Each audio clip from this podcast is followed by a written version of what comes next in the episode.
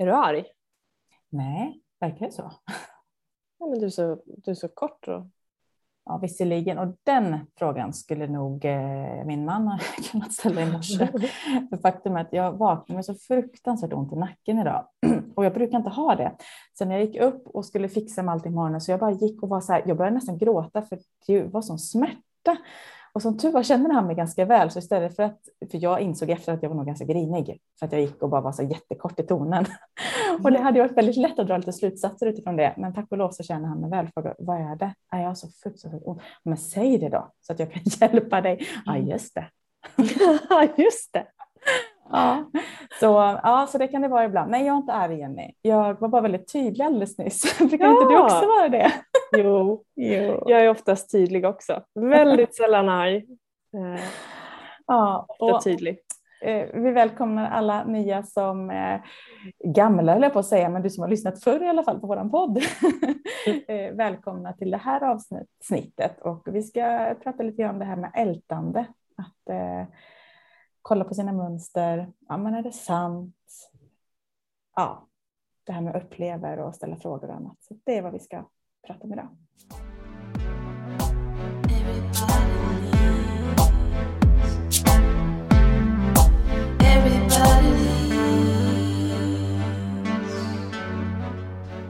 Ja, maraton i ältande. Mm. Har du haft det någon gång? Oh ja, jag har gungat gungstol som en galning och trott att det ska föra mig framåt. Det gör det ju inte utan gungstolen går ju bara sönder till slut och så är det jättetråkigt.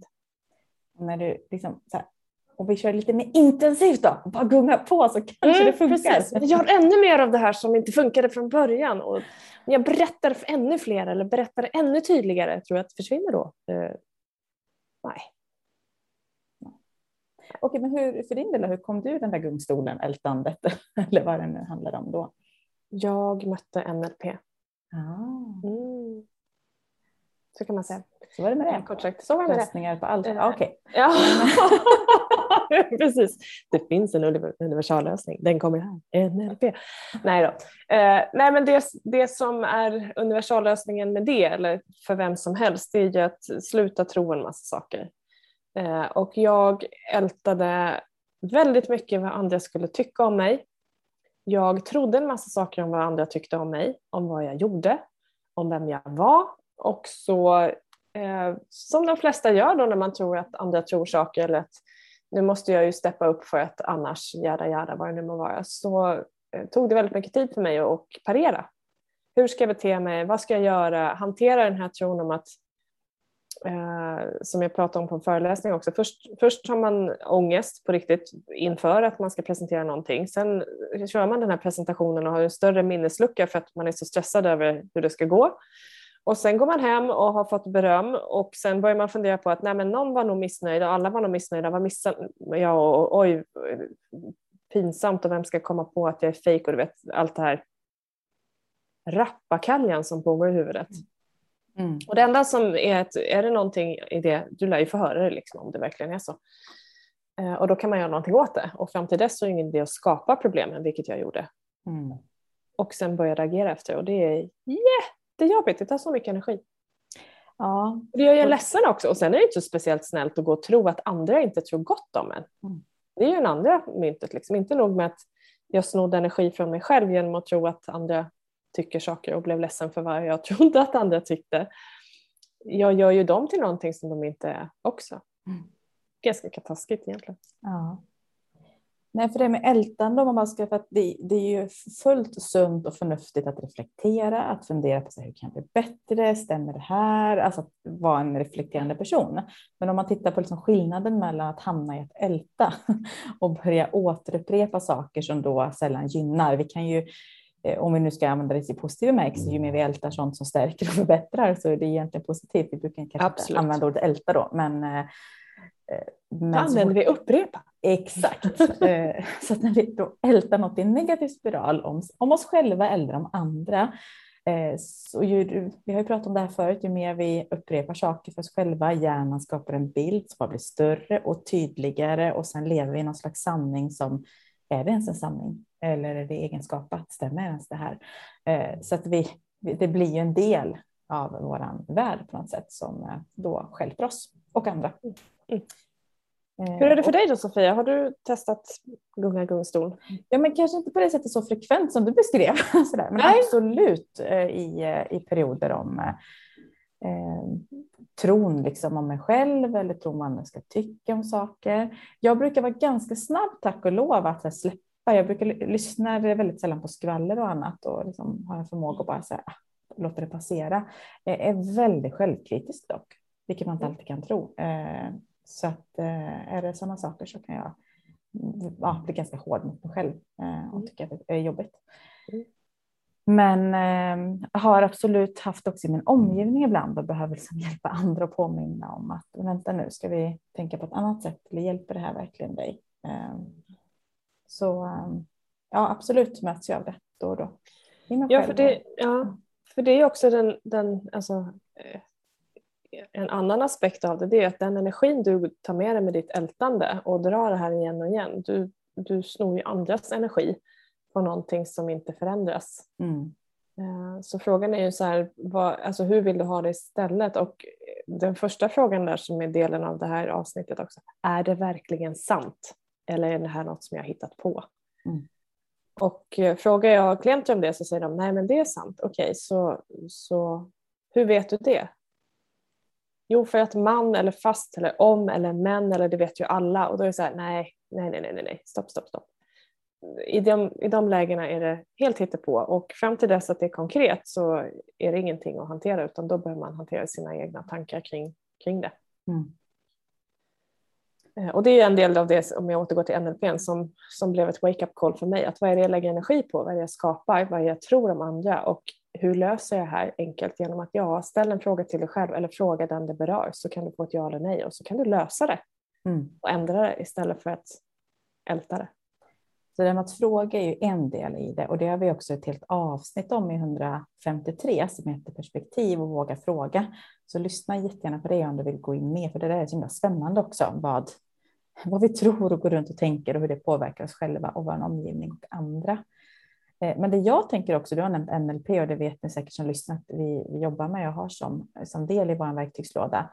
Eh, det är ju mycket kommunikation. Och en mm. del i det som har hjälpt mig väldigt mycket är ju vad vi kallar när vi meta eller vara mer specifik. Mm. Eh, och att du som lyssnar, om du har människor i din omgivning som du upplever ältar, att börja lyssna efter det här, eller, eller rättare sagt ställa följdfrågor för att men vad, vad mer specifikt menar du? När man hör då att men alla tycker ju att, eller och det är så många nu som, okej, okay, vilka många syftar du på? Mm. Eh, och det går ju också till oss själva. Jag vet att jag själv hamnar ofta ja men det är många nu, äh, vänta nu. Nej, just det, jag hörde en som sa det och drog mig Jag tänkte många. Eh, för jag tänkte upprepa och då blev det många helt plötsligt. Eh, och, och, när det hjälper oss, alltså när vi upprepar någonting som är positivt då, då är det klart att då kan vi hålla på att upprepa någonting som stärker. Men så fort det blir i en annan spiral så behöver vi bli medvetna om våra ord och vad vi väljer att säga till oss själva och andra. Mm. Så det är ett sätt att ibland slå hål på det där som vi hör runt omkring folk tycker och annat. Där. Ja, verkligen. Ja. Så här, vad specifikt är det och vad handlar det om egentligen? Och igen, så här, är det här verkligen sant? Mm. För hjärnan är ju fantastisk i att vilja skapa förståelse så att vi får kontroll på vad som händer så vi kan ta kontrollen över det som inte har hänt än. Mm. Och det innebär att saknas det en pusselbit så kommer vi vilja lägga pusslet klart. Eh, det är därför om man då säger mors lilla Olle alla som har vuxit upp med den kommer ha förmodligen fyllt i det. Mm. Mm. Ja, vad, vad, var det med honom egentligen? Ja, vad var det egentligen? Mm. I skogen gick tänker jag. Exakt, så mm. tänkte du.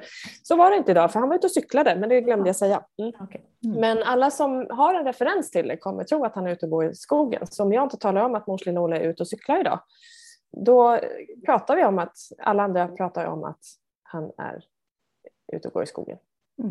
Han i skogen gick. Liksom. Uh, och det spelar ingen roll vad det är, om vi pratar om en visa där vi fyller in informationen, reklam, jinglar funkar på samma sätt, det kopplar till det.